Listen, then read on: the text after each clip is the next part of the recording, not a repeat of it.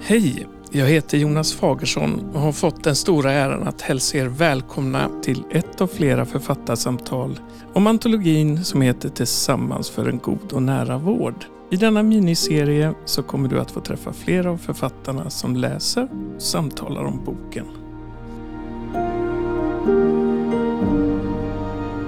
I detta avsnitt får ni träffa Magnus Isaksson som är allmänläkare på Ekerö vårdcentral i Stockholm och ordförande i Svensk förening för allmänmedicin. Ni får också träffa Britta Hornmark Stenstam som är utbildad till läkare i Lund och specialist i onkologi sedan 40 år. Britta var också under många år chef för onkologiska verksamheten i Sörmland och arbetar numera med cancerrehabilitering. Och sist men inte minst har vi Åke Åkesson som är läkare och sjukvårdsinnovatör. I Borgholm på Öland har du förverkligat en sjukvårdsmodell som uppfyller allt det som borde vara självklart överallt. Det stämmer? Ja. Det stämmer. Ditt kapitel har rubriken Om jag så ägde hela världen men saknade tillit. Och Det handlar om hur man måste bli litad på som patient när man beskriver och förklarar sina åkommor. Också det som inte går att reproducera i stunden. Och också om att patienten från sitt håll måste kunna lita på att vården finns, går att nå och är pålitlig. Eh, och att den vill en väl och kan tillföra inte bara bot eller lindring eller tröst utan också mening. Och nu tänkte jag att du skulle få läsa ett stycke ur din bok, eller ur ditt kapitel rättare sagt, ehm, och ge oss en inblick i hur du tänker. Tack, det var en jättefin sammanfattning av vad jag försökte säga. Jag ska läsa lite från slutet på mitt kapitel för att hela kapitlet är en berättelse eller bildberättelse som man måste läsa i sin helhet för att få ut så mycket av. Men slutet handlar om precis det här med tillit och trygghet och om att man för att kunna ha det måste ha en egen läkare. I många hundra år har åtminstone en del vetat att tillit och trygghet kan vara livsviktig och alltid är viktig. Ändå är det kanske detta som vården oftast misslyckas med. Så länge vi inte har god och nära vård där alla som vill har ett namn på sin allmänläkare och vet hur man når hen när man vill och själv känner att man behöver det så fortsätter vi att misslyckas. Vi lever i en otrygg värld. Vi behöver en trygg vård. Och det är så enkelt. Varje år utbildas vart 70 barn som föds till läkare. Sverige behöver 10 000 allmänläkare för att du och alla andra ska kunna ha en egen läkare som hinner bry sig om hela dig när du vill och behöver det. Det är väldigt lätt att se att det kan gå fort att lösa det, särskilt eftersom det redan finns 6 000 allmänläkare. Bra sjukvård kräver tid. Tid för dig, dina närmaste och dina vänner.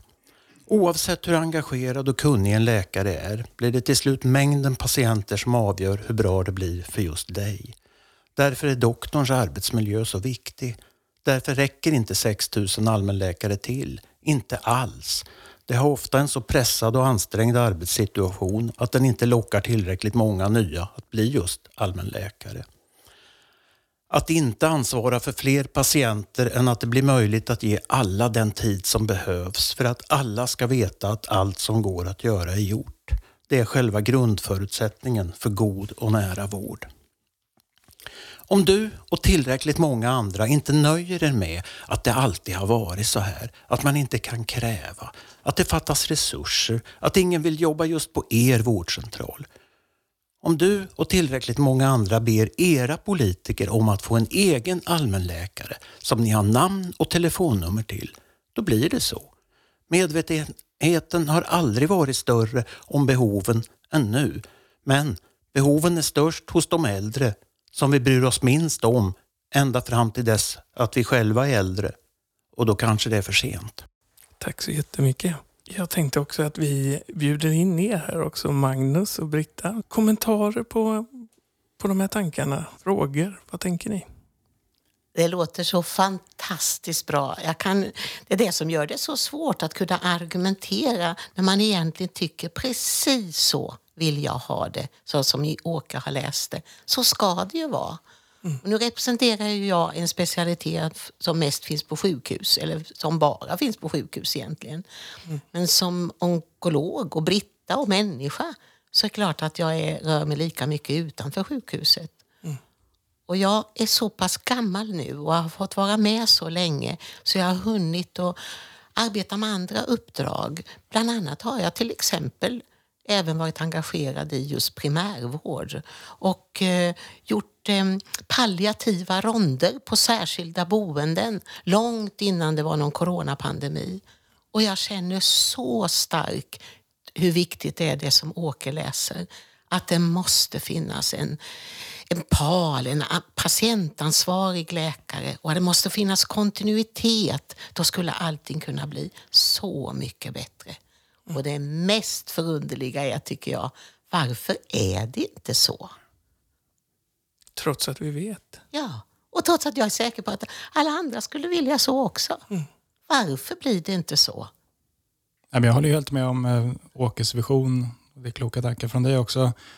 Men jag undrar lite varför står vi här och har det så här? För vi har ändå tänkt så här ganska länge. Nu har det kommit den här god och nära vårdrörelsen som driver på åt rätt håll. Men det här hade ju kunnat ske mycket tidigare också. Vad tror du om det egentligen? Jag är helt säker på att förklaringen är denna att vi både för 15 och 25 och 35 år sedan när ungefär de här tankarna kom fast i sin tids anda. Att vi misslyckades berodde på att vi aldrig såg behovet av en vettig arbetsmiljö för de som ytterst ska ansvara för att det blir så här, allmänläkarna. Vi håller på och kanske riskera att missa det en gång till. Därför att alla patienter och tror jag alla anhöriga och nästan alla som är friska är överens om att så här borde det vara. Och de flesta politiker vill det också. Men någonstans så har man missat att det inte per automatik blir så lätt att lösa det här om man inte har doktorerna och de måste vara tillräckligt många. Och tillräckligt många är väldigt många fler än det som finns nu. Sen är det ju denna väldigt välkända situation att Sverige är de som satsar minst på sin primärvård och mest på sin sjukhusvård. Vilket gör att för unga friska som blir jättesjuka så har vi världens bästa vård. Men för äldre med många sjukdomar så, jag ska inte säga att det är världens sämsta, men ganska uselt är det. Men varför har det blivit så?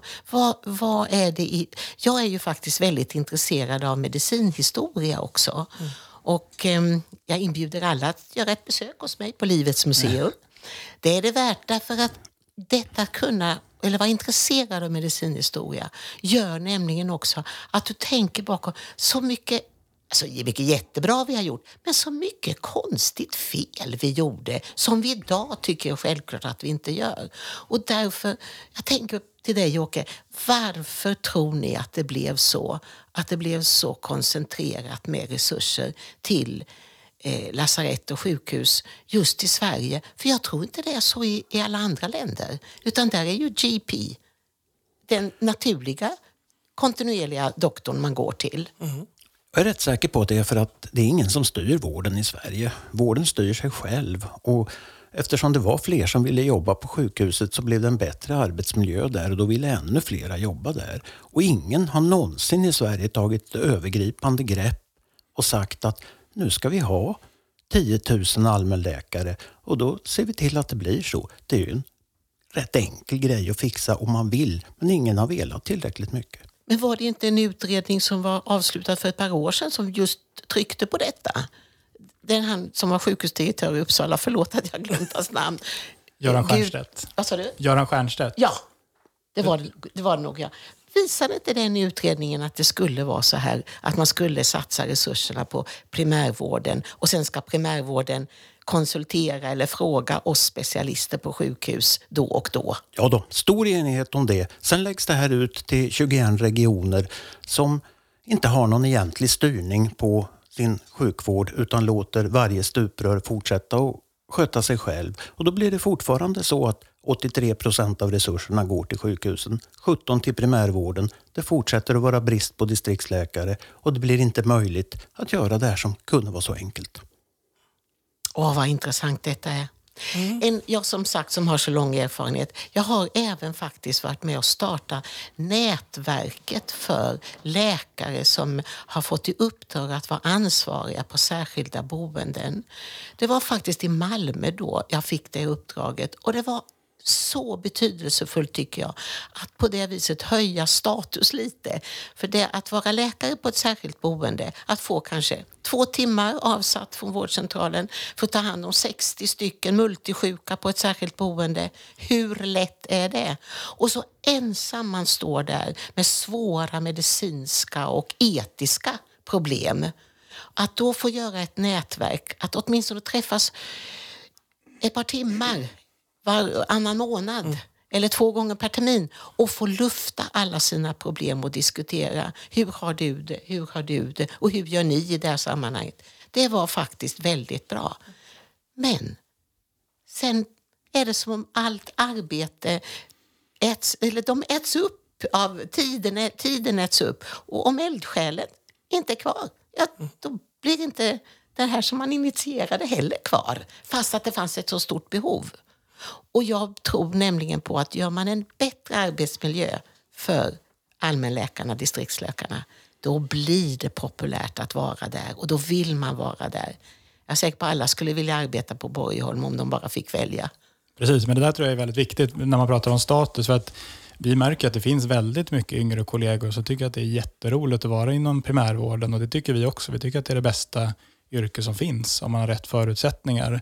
Så bara man börjar med arbetsmiljön, precis som Åke är inne på, då kommer det inte vara något som helst problem att rekrytera tillräckligt med allmänläkare. Då kommer det mm, stå allmänläkare på kö till slut. Du har skrivit ett kapitel om det personliga ansvaret. Och du vill inte att dina patienter ska vara pilar i flöden eller att dina medarbetare ska vara huvuden på schemarader. Men hur ska det vara då? Det tycker jag vore härligt om du kunde förtydliga genom att läsa någonting ur ditt kapitel. Ja, absolut. Då läser jag ett litet stycke här som handlar om personligt ansvar. När man diskuterar svensk sjukvård är det som att alla vill mer eller mindre samma sak, men på något sätt kan man ändå inte enas om ett gemensamt mål. Jag är en stark förespråkare för att hela Sveriges befolkning ska ha en fast läkare som är specialist i allmänmedicin med ett rimligt uppdrag och jag har aldrig riktigt förstått varför man inte skulle vilja ha detta. Det är enkelt, konkret och effektivt. Det är inte lösningen på allt, men på mycket. Svensk sjukvård är visserligen i världsklass inom många områden, men när det gäller patientinvolvering, samarbete mellan olika instanser och kontinuitet ligger vi i strykklass. Och mycket av detta handlar definitivt om den dysfunktionella primärvården. Man har sedan decennier valt ett system i Sverige där man har en förhållandevis stark sekundärvård eller specialistvård och en svag primärvård såsom vårdcentraler och särskilda boenden med små resurser och få allmänläkare. Man har opersonliga organisationer där vårdarbetare i mångt och mycket betraktas som huvuden som ska fylla schemarader. Framtidsvisionen hos en hel del, absolut inte alla, ledande sjukvårdspolitiker är en något diffus bild av att digitalisering och nära vård kommer att lösa alla våra problem. Men mer konkret än så är inte denna vision.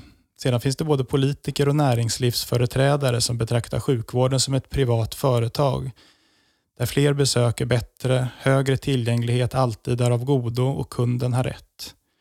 Man har myriader av myndigheter som tar fram riktlinjer och dokument, stora förvaltningar som ska styra vården rätt med piska och morot. Antalet administratörer växer explosionsartat samtidigt som vårdens medarbetare mår allt sämre. Och i allt detta har man helt glömt bort det viktigaste av allt, det personliga ansvaret. Ingen vet längre vem som är ansvarig för vad eftersom det finns så många andra som potentiellt kan vara ansvariga Patienter bollas fram och tillbaka och alla gör sin lilla del enligt PM och riktlinjer och alla vårdenheter har fullständigt meningslösa dokument i ordning och därför blir det full pott när man blir granskad. Jag vill vara personligt ansvarig för, min, personligt ansvarig för mina patienter som jag känner och följer. Jag vill varken att mina patienter ska vara pilar i flöden eller att mina medarbetare ska vara huvuden på schemarader. Men för att jag ska vara personligt ansvarig måste jag ges ett rimligt uppdrag. Annars ska jag inte utföra mitt jobb och då riskerar mina patienter att hamna i ansvarsutsmetningsfällan. Personligt ansvar är bra. Det är själva kärnan och förmodligen den starkaste drivkraften för de flesta av oss som arbetar inom primärvården. Ge mig tusen individer på min lista och friheten att sköta dem utifrån min kunskap som specialist i allmänmedicin. Naturligtvis kommer jag att använda mig av riktlinjer, PM, forskning och av kollegors kunskap. Men försök inte inbilla mig att klurigt uträknad ersättningssystem eller annan form av ovidkommande styrning kommer få mig att ta bättre hand om dem. Det var mitt lilla stycke ur texten. Tack Magnus. Eh, vad säger ni Britta och Åke? Har ni några reflektioner på? Oh, så bra, säger jag bara. Om Magnus och Åke blir politiker ska jag rösta på er. ja, det jag, jag har läst det här flera gånger men jag blir lika lycklig i alla fall av att höra det därför att det innehåller egentligen allting fast från andra sidan, nämligen doktorsperspektivet. Det är alltså världens mest fantastiska yrke att få vara allmänläkare och ha möjligheten att ta personligt ansvar. Och nu är Magnus betydligt yngre än jag, eller vi är två olika generationer, men det finns ändå ytterligare en ny generation doktorer på gång in som inte är mer än 25 år ungefär. Och där är det också väldigt uppenbart att det finns många, väldigt många som tänker och tycker precis som Magnus har formulerat så fint. Ge mig en rimlig möjlighet att ta personligt ansvar så kommer jag att göra det och bli en del i världens bästa sjukvård. Och om jag då ska lite försvara den andra sidan så säga, jag, jag vill precis detta jag också. Jag tycker det här är det ideala. Och sen ska vi inom de här specialiteterna som måste finnas och som är på sjukhus och som ju är jättebra. Vi har ju gjort fantastiska framsteg inom min specialitet onkologi och säkerligen inom många andra som jag inte känner lika mycket till. Men det som inte är lika bra och som jag ändå fick uppleva i början när jag utbildade mig till onkolog. Det var så självklart att följa upp mina patienter. Veta hur det gick.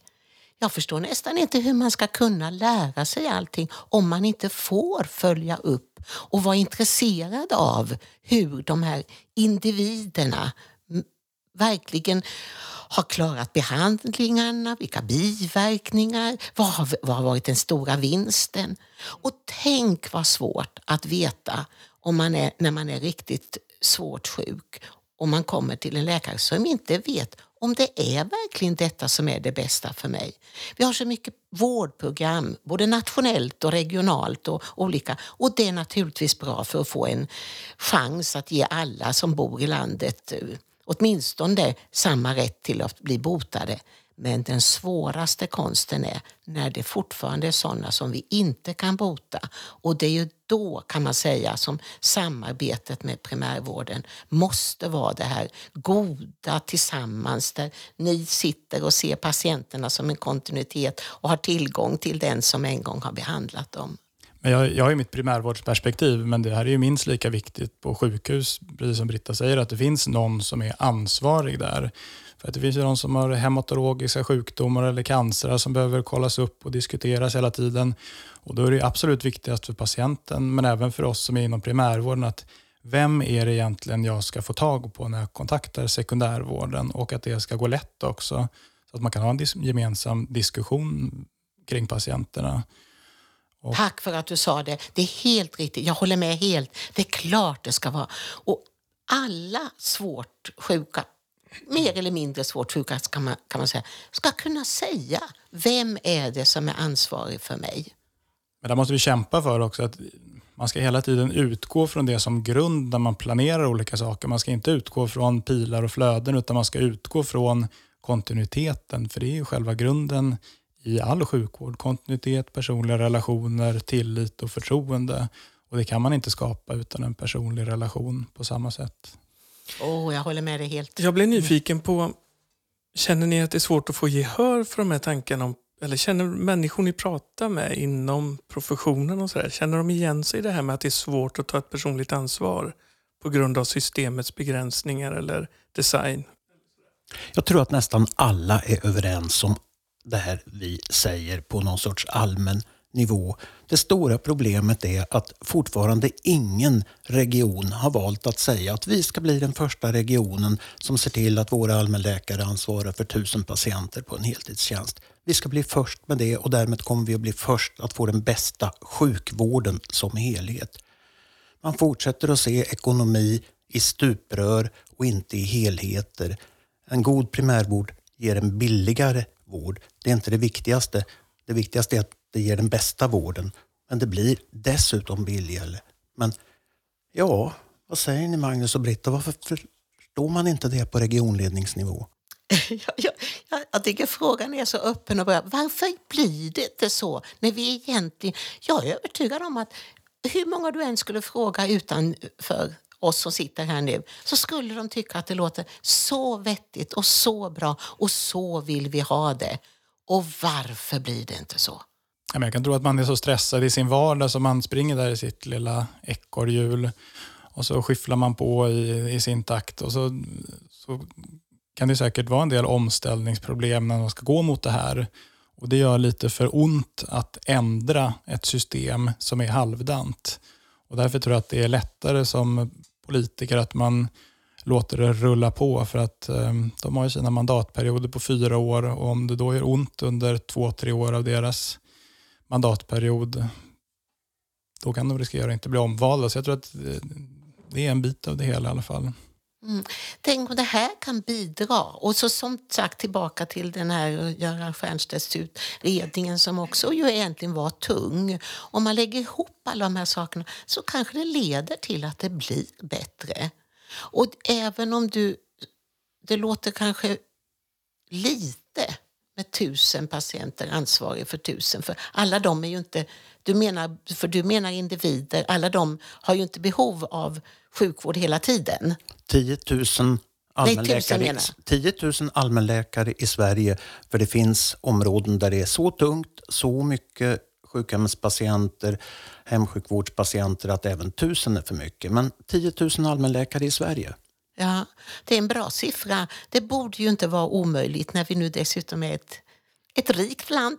Så det borde ju kunna borde ju kunna genomföras. Och jag som sagt som har ändå haft insyn i det här på särskilda boenden, jag håller med så till fullo att det är så det är så tungt och det är så komplext att ta hand om just de på särskilda boenden. Det är ju kroniskt, vi vet ju det att eh, kunna göra det så bra som möjligt för dem. Och det här har ju varit väldigt aktuellt nu i debatten under coronapandemin. Hur ser det ut på våra särskilda boenden? Och vad har de för resurser? Precis, och jag tycker att, eh, nu har inte jag haft hand om särskilda boenden, men det är verkligen några av de kollegor som är allra störst respekt för de som på ett bra sätt kan ha hand om ett särskilt boende. För precis som du säger så är det en enorm utmaning både medicinskt och etiskt. Ja, det är det. Och där har jag sett väldigt tydligt också, det finns de, och jag skulle önska jag kunde få säga namnen, men det ska jag inte göra för då säger jag inte de andra. Det finns de där det har varit en och samma distriktsläkare som kommer från vårdcentral som har det här särskilda boendet inte bara ett år utan två år, känner, kan de som bor där. Där är ju en sån kontinuitet. Så där skulle aldrig uppstå det som var så mycket skrivet i tidningarna. Därför att en sån person har en relation till de som bor där och har samtalat i god tid innan det händer att de blir väldigt dåliga. Vad är det vi ska göra? Hur, vad ska vi göra när det händer? Och ha med anhöriga i de här samtalen. Där fungerar det jättebra. Precis, och den där relationen mellan professionen också. Att en som har varit länge på ett särskilt boende och känner personalen, då vet ju också vem de kan lita på där och sköterskorna kanske är kvar på det här boendet och byter inte arbetsplats för att det är för pressat. Det glömmer man också bort ibland, att det är liksom samarbetet rätt. inom helt professionellt rätt. är otroligt viktigt. Ja, helt rätt. Jag tänker också att det är, Britta, vi måste ju presentera dig lite mer formellt här va? Eller hur? Ja, det går bra. Eh, Spännande att höra vad du säger. Ja, jag, jag läser lite här vad, jag, vad vi har skrivit här. I din sammanfattning naglar du fast inte bara att det alltid måste finnas en någon eller ett fåtal att vända sig till och det är likaledes självklara att patienter aldrig ska behöva vänta i onödan på provsvar. Mm. Du har också med en tredje punkt, en om att det behövs en läkekonst baserad på en vilja och förmåga att möta frågor som kommer ur rädslor, villrådighet och otrygghet. Frågor som handlar om både liv och död, så att man kan få stöd att leva, inte bara i närheten av det botade utan också med det obotbara och den nära döden. Du ska läsa någonting för oss. Ja, eller om jag väljer nu, för du läste bra det som jag tycker var min sammanfattning. Ja. Nej, men kan jag inte få tillåtas att ta just tiden att prata kring det istället? absolut. För det är så att när jag lyssnat nu på Åke och lyssnar på Magnus så känner jag åh, vad vi skulle kunna göra mycket som är bra. För det egentligen är det så, det är så basalt skulle jag vilja säga. Jo, utbildas som onkolog innebär ju att jag har arbetat med cancerpatienter i som sagt drygt 40 år. Och jag tycker vi har blivit jättebra på att följa vårdprogram och behandla bra. Det som ska bli botat, det blir botat. Men sen är det, hur bra vi än säger att vi är, så är det ju fortfarande så att någonstans 30-40 procent kan man grovt säga, de blir inte botade. De kommer att leva med den här kroniska sjukdomen och de kommer att kunna leva ganska bra därför att vi har lärt oss att kunna ge så mycket behandling så att det kan, man kan leva med dem, den här sjukdomen. Och det är olika naturligtvis beroende på var cancern började och vilken sorts eh, cancer det är. Men det som är så svårt är att de har, dessa individer, dessa människor, dessa medsystrar, medbröder, de har så mycket frågor. Det står så mycket tidningar. De har så mycket de skulle vilja fråga någon om. Och det har blivit så att de vet i allmänhet inte vad, vem deras någon är. Vem ska de ringa till? Jag tänkte på när vi pratade förut. Det var lätt att lämna ut mitt telefonnummer när jag arbetade då som onkolog uppe i Sörmland. Jag vill påstå att det var aldrig någon som missbrukade det. Jag tror det var ungefär som att ha en tablett med sömnpiller vid nattduksbordet. Bara skönt att ha om de behövde. Men det var väldigt få som ringde mm, på nätterna eller vid konstiga tider. Det vill säga, det var ju ett sätt att ge trygghet. Jag vet, jag finns där, men de behöver inte alltid missbruka det eller vad man ska säga det. Men det är ju bygga tillit. Och där var det för mig så självklart att kontinuiteten var det allra, allra viktigaste. Kontinuiteten med en bra relation. Och det som är bra där är att det behöver inte vara det till 100 procent. För om jag är borta någon gång, då kan någon annan kollega gå in och göra det som behöver göras. Men när man kommer till de riktigt svåra samtalen, när den här sjukdomen inte längre går att hålla i schakt. Mm. När det går mot att det förmodligen kommer att sluta med att man dör. Jag förstår nästan inte hur man ska kunna hålla sådana samtal om man inte har haft en kontinuitet och lärt känna den person som man faktiskt ska ha det här samtalet med. Vad vill du? Hur vill du att din sista tid ska vara? Vad, vad är det viktigaste för dig nu? Och om ni visste vad många det är som egentligen tycker åh vad skönt att vi kan prata om det här. För nästan alla andra runt omkring de säger hela tiden bara ja, men det blir bättre, det kommer att bli bra. De, det sker så mycket nya um, framgångar så det kommer att bli bra. Men väldigt många vill ju bottna i detta att det kanske inte går att leva och tiden är utmätt. Och då tycker jag att det här med kontinuitet, att, att känna, och det är säkert precis likadant inom primärvården, alltså med andra diagnoser än just cancer. Och därför så kan man säga att det är, det är fel ord att säga käpphäst, men det, om man säger, det är verkligen något som har utkristalliserat sig efter väldigt många år och med erfarenhet. Och därför skulle jag bara säga att det var det här som jag tyckte var så bra. Tänk att få hjälpa de här primärvårdsläkarna, eller allmänläkarna heter det, inte primärvård, va? det heter allmänläkare. Allmänläkare. All- allmän- som då blir ombedda att vara ansvariga för ett särskilt boende. Där tyckte jag att min långa erfarenhet och min ålder kunde hjälpa till att stötta dem att prata om att hålla palliativa ronder. Det vill säga lite regelbundet. Det, kunde kanske, det kanske räckte med två gånger per termin. Mm. För det man gör då är att man går igenom de som bor där och stöttar den här läkaren i att kunna hjälpa till med de här medicinska och etiska frågeställningarna. Och alltid vara, ligga steget före, att kunna samtala med anhöriga. Så att då är nästan alla förberedda på att veta vad man ska göra när någonting dyker upp. Jag blev så nyfiken på det du skrev med att vänta på provsvar ja. i onödan. För det du pratar om nu är just väldigt... Det är, det är en händelse i livet som är väldigt stor för de flesta och väldigt tung att möta naturligtvis. Eh, vad menar du med att vänta på provsvar i onödan? Blir jag nyfiken på. Ja, för där tror jag mycket på det här att är det något vi kan använda moderna tekniken till, det är ju egentligen det här att när en patient, då talar jag om de här som Ja, det kan nog gälla alla egentligen, både de som ska bli botade och de som kanske inte går att bota. Så går de på så mycket undersökningar och det går, följer vårdprogram och annat. Mm. Och de säger, vittnar samtliga om att det värsta de vet det är att gå och vänta på provresultatet. Mm. Har tumören vuxit? Har det, har, har det gått tillbaka? Och jag kan tänka mig att det är likadant för hjärtsjuka och neurologiskt sjuka. Man vill ha någon slags objektiv bild på hur det är. De är inte riktigt säkra på att det stämmer med det de känner, utan hur var det? Och då förstår inte jag faktiskt varför vi i Sverige som är så duktiga på så mycket, inte, varför, varför måste det bli minst fyra eller sex veckors väntan innan du får ditt resultat? Mm. För resultatet finns ju där. Men vi har i svensk sjukvård alltid värnat om våra väntetider när vi åstadkommer en vårdgaranti att man bara ska behöva vänta 90 dagar. Bara vänta 90 dagar från det att man har varit hos distriktsläkaren till det man ska få komma till specialisten.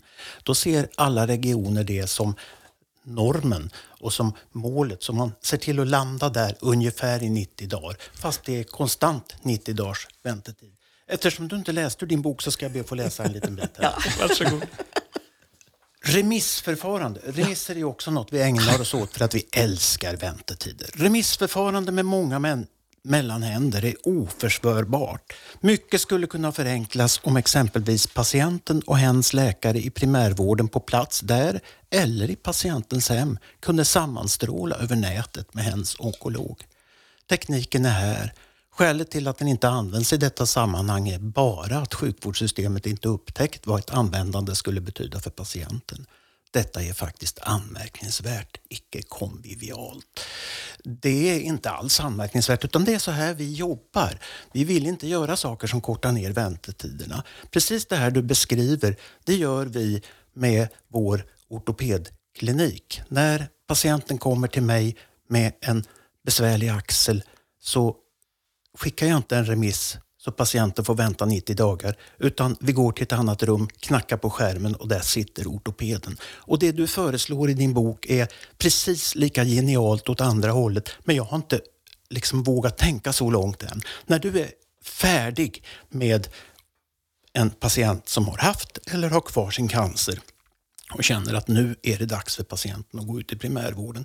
Då gör alla onkologer också så att då dikterar de en remiss som blir utskriven veckan efteråt men då är onkologen på semester så det tar två veckor och sen går den till primärvården och där står det ganska kort nu är det färdigt för oss, tacksam för uppföljning. Mm. Istället skulle du med patienten kvar hos dig ringa upp mig och säga Hej Åke, är det du som är Åke? Och här sitter jag med Sven. Han har en metastaserande spridd prostatacancer. Vi har gjort det här och det här och nu vill jag berätta för dig om honom för att han går ju hos dig. Förhoppningsvis. Eller så ska han gå hos dig. Och nu ska vi se till att vi tillsammans delar den här kunskapen. Vilken revolution! Och ändå som du skriver så självklart, det är ju det andra som är vansinne. Tack för att du läste det stycket, för det var ju bra. Ja. Jo, men det är, håll med om att det skulle förändra till det bättre väldigt, väldigt mycket. Att man kunde göra så, att man utnyttjade detta, att man direkt talade med varandra. Och jag har provat det när det gäller de här svåra relativt unga patienter där vi, vi gör väldigt, väldigt mycket. Och det går bra länge, men till slut går det inte. Och då när man ska flytta över en sån patient till den palliativa enheten. När jag började fanns ju inte särskilda sådana enheter. Men det jag vill säga och lyfta fram är nämligen, det känns inget bra varken hos mig eller hos patienten egentligen. För vi har ju redan den här relationen. Men hur ska man göra? Jo, man ska göra det samtidigt. Även utan internet och datorer så kunde man ju säga, kan inte du komma in på torsdag klockan två så, står, så är vi på avdelningen hos den här patienten som bör flyttas över till palliativ enhet. För det är en annan specialitet som har helt andra resurser, med kurator och andra. För, och det fanns, när det finns barn med i bilden till exempel. Möts man då samtidigt och man kan säga det, du Susanne, du vet hur vi har pratat om det här, vad, ja, vad allt vad vi har gjort och vad vi har för möjligheter framöver. Och nu är vi där att det allra bästa för dig och för din familj, det är att nu tar Åke eller Magnus eller Kalle eller Jonas över. För då får du en andra resurser och annan hjälp än den jag som aktiv onkolog kan ge dig. Då blir det bra. Det är samma sak som det du pratade om Åke och när du läste. Det är ju lite samma sak. Jag hoppar över remisshanterandet där. Har ni några mer tankar innan jag ställer en liten slutfråga här? Jag tänkte en, en bra sak när du pratade om det där med att lämna ut telefon och sådär. Det var någon kollega till mig som sa att ett sätt som man egentligen borde mäta hur bra ett sjukvårdssystem fungerar, en viktig parameter, det är när jag mår dåligt, vart ska jag vända mig och vem svarar? Och hur många som har den känslan. Det är en otroligt viktig parameter, så det tycker jag att vi borde följa upp mer. Jättebra. Ja, håller med. Jag med. Ja. Och vi är alla överens. Vi vill, ja precis. Tycker ni inte att vi Ett mobilnummer. Du sa ju förut att man lämnar ut ett nummer. Ja. Jag ringer till den. Ja. Det är ju lite intressant. Hur många skulle ringa tror ni? Om jag- alla hade ett nummer till sin Jag vill- doktor eller till sin tanke på att- sjuksköterska. Eller? Nu är det många som blir oroliga och tänker att ja, men man kan ju inte vara standby dygnet runt. Men det är så här att ökad trygghet leder till minskad efterfrågan. Sen vi började med det vi kallar hemsjukhuset som bara innebär en ökad trygghet för patienterna så har det blivit så väldigt många fler som väntar till förmiddagen då de får ett hembesök av sin doktor istället för att ta ambulansen till akuten klockan tre på natten väldigt, väldigt ofta är det inte timmarna som är akuta utan det är den här känslan av att veta att det finns någon där borta klockan åtta eller nio eller tio på förmiddagen som tar hand om mig. De allra flesta behöver inte vård klockan tre på natten. Precis, och hos oss är det så också att är det långa väntetider och man får en tid sex veckor framåt, då är ju hälften eh, mycket sämre och hälften har blivit bra. Så det blir helt fel. man skulle behöva titta på det och det som du har gjort Åke hos dig, alltså att det är så väldigt många färre som söker akuten, vilket naturligtvis måste anses vara bra. För akuten är jättebra när den verkligen behövs. Men om det är otrygghet, ängslan, rädslan och det där som jag skriver alltså i den här, vad det gäller läkarkonsten, att det ju faktiskt är det att det är jättebra att vi har vårdprogram och kan bota, men det är också väldigt många som behöver oss i den där andra delen när det inte följer direkt ett vårdprogram precis till hur man ska ge eh, behandlingar eller göra. Ja. För där är ju man, jag tänker på ordet akut om vi Stanna vid det en sekund bara. Vem definierar begreppet akut? Och i vilken situation? Det gör ju alltid patienten kan vi säga först. Det är patienten som gör valet att ringa 112, att ringa ambulans, att ta sig till akutmottagningen och så vidare. Det är den första prioriteringen. Sen kommer kollisionen när det visar sig att patientens val och prioritering inte alls stämmer överens med vården. Och det är det som gör att medelväntetiden på akutmottagningar är mellan fem och sju timmar. Den skulle ju om rätt för rätt patienter är medelvård väntetiden tre minuter eller något i den stilen. Men alla de andra är fel. Mm. Och det är olika prioritering för att patienten tror ju att det är rätt. Men det är för att det inte finns en välutbyggd primärvård med en trygg distriktsläkare i bakgrunden. Mm. Mm. Nej, jag, jag tycker att det måste gå att ändra på detta. Mm. Men det är nog det här begreppet personcentrerad vård, det har vi väldigt lite. Vi har en vårdcentrerad vård i allmänhet och sen är den dessutom sjukhuscentrerad. Och den utgår ganska oövertänkt ifrån att det ska funka så enkelt som möjligt för de som jobbar på sjukhuset. Så är det. Och då är det enkelt med väntetider. Jag tänkte jag skulle avsluta med en reflektion eller en fråga som jag gärna vill att ni eh, bygger vidare på. Eh, boken heter ju Tillsammans för en god och nära vård. Vilka är vi i Tillsammans? Nej, men det är ju allihopa. Det är ju läkare, sjuksköterskor, fysioterapeuter, arbetsterapeuter allihopa och inte minst eh, patienterna. Men på något sätt måste vi ges förutsättningarna. Och de som styr pengarna, det är ju politiker sist och slutligen. Så får vi förutsättningarna så tror jag att det finns goda möjligheter att vi tillsammans kan, kan lösa det. Instämmer. Sjukhusen är självklart fullständigt nödvändiga. Det är bara det att nästan all vård kan och ska ske hos primärvården, hos distriktsläkaren och sen ska sjukhuset finnas där för patienten och distriktsläkaren när vi inte räcker till. Och då ska sjukhuset göra det, hjälpa oss med det som vi och patienten tillsammans ser är nödvändigt. Och sen så, så snart som möjligt tillbaka till den fortsatta uppföljningen och hjälpen i primärvården igen. Men det är just där som det ser så speciellt ut i Sverige att allt liksom utgår från slutenvårdsperspektivet. Vilket funkar jättebra när en ung frisk människa bryter benet på fyra ställen eller får en hjärnblödning. Men inte funkar alls när vi har en äldre människa med fem kroniska sjukdomar som aldrig går över men går att leva 20 år med. Precis, och där som Åke har kört igång Borgholm med ortopedkonsult, det innebär även ett lärande. att eh, Ju fler man diskuterar på ett bra sätt, desto mer lär vi oss och desto fler saker kan vi ändå hjälpa till med.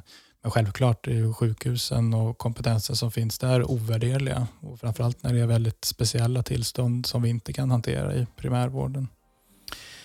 Hörrni, eh, varmt tack till Magnus, Britta och Åke för att eh, ni har delat med er. Och eh, varmt tack till er lyssnare för att vi fick dyka upp i ert öra. Lyssna gärna på fler avsnitt. De finns där poddar finns och på webben dykerupp.nu. Och boken finns såklart att beställa på komlit.se och i andra onlinebokaffärer. Och den heter Tillsammans för en god och nära vård. Tack till er igen och inte minst tack till er som har lyssnat. Vi hörs. Tack så mycket. Tackar. Tack.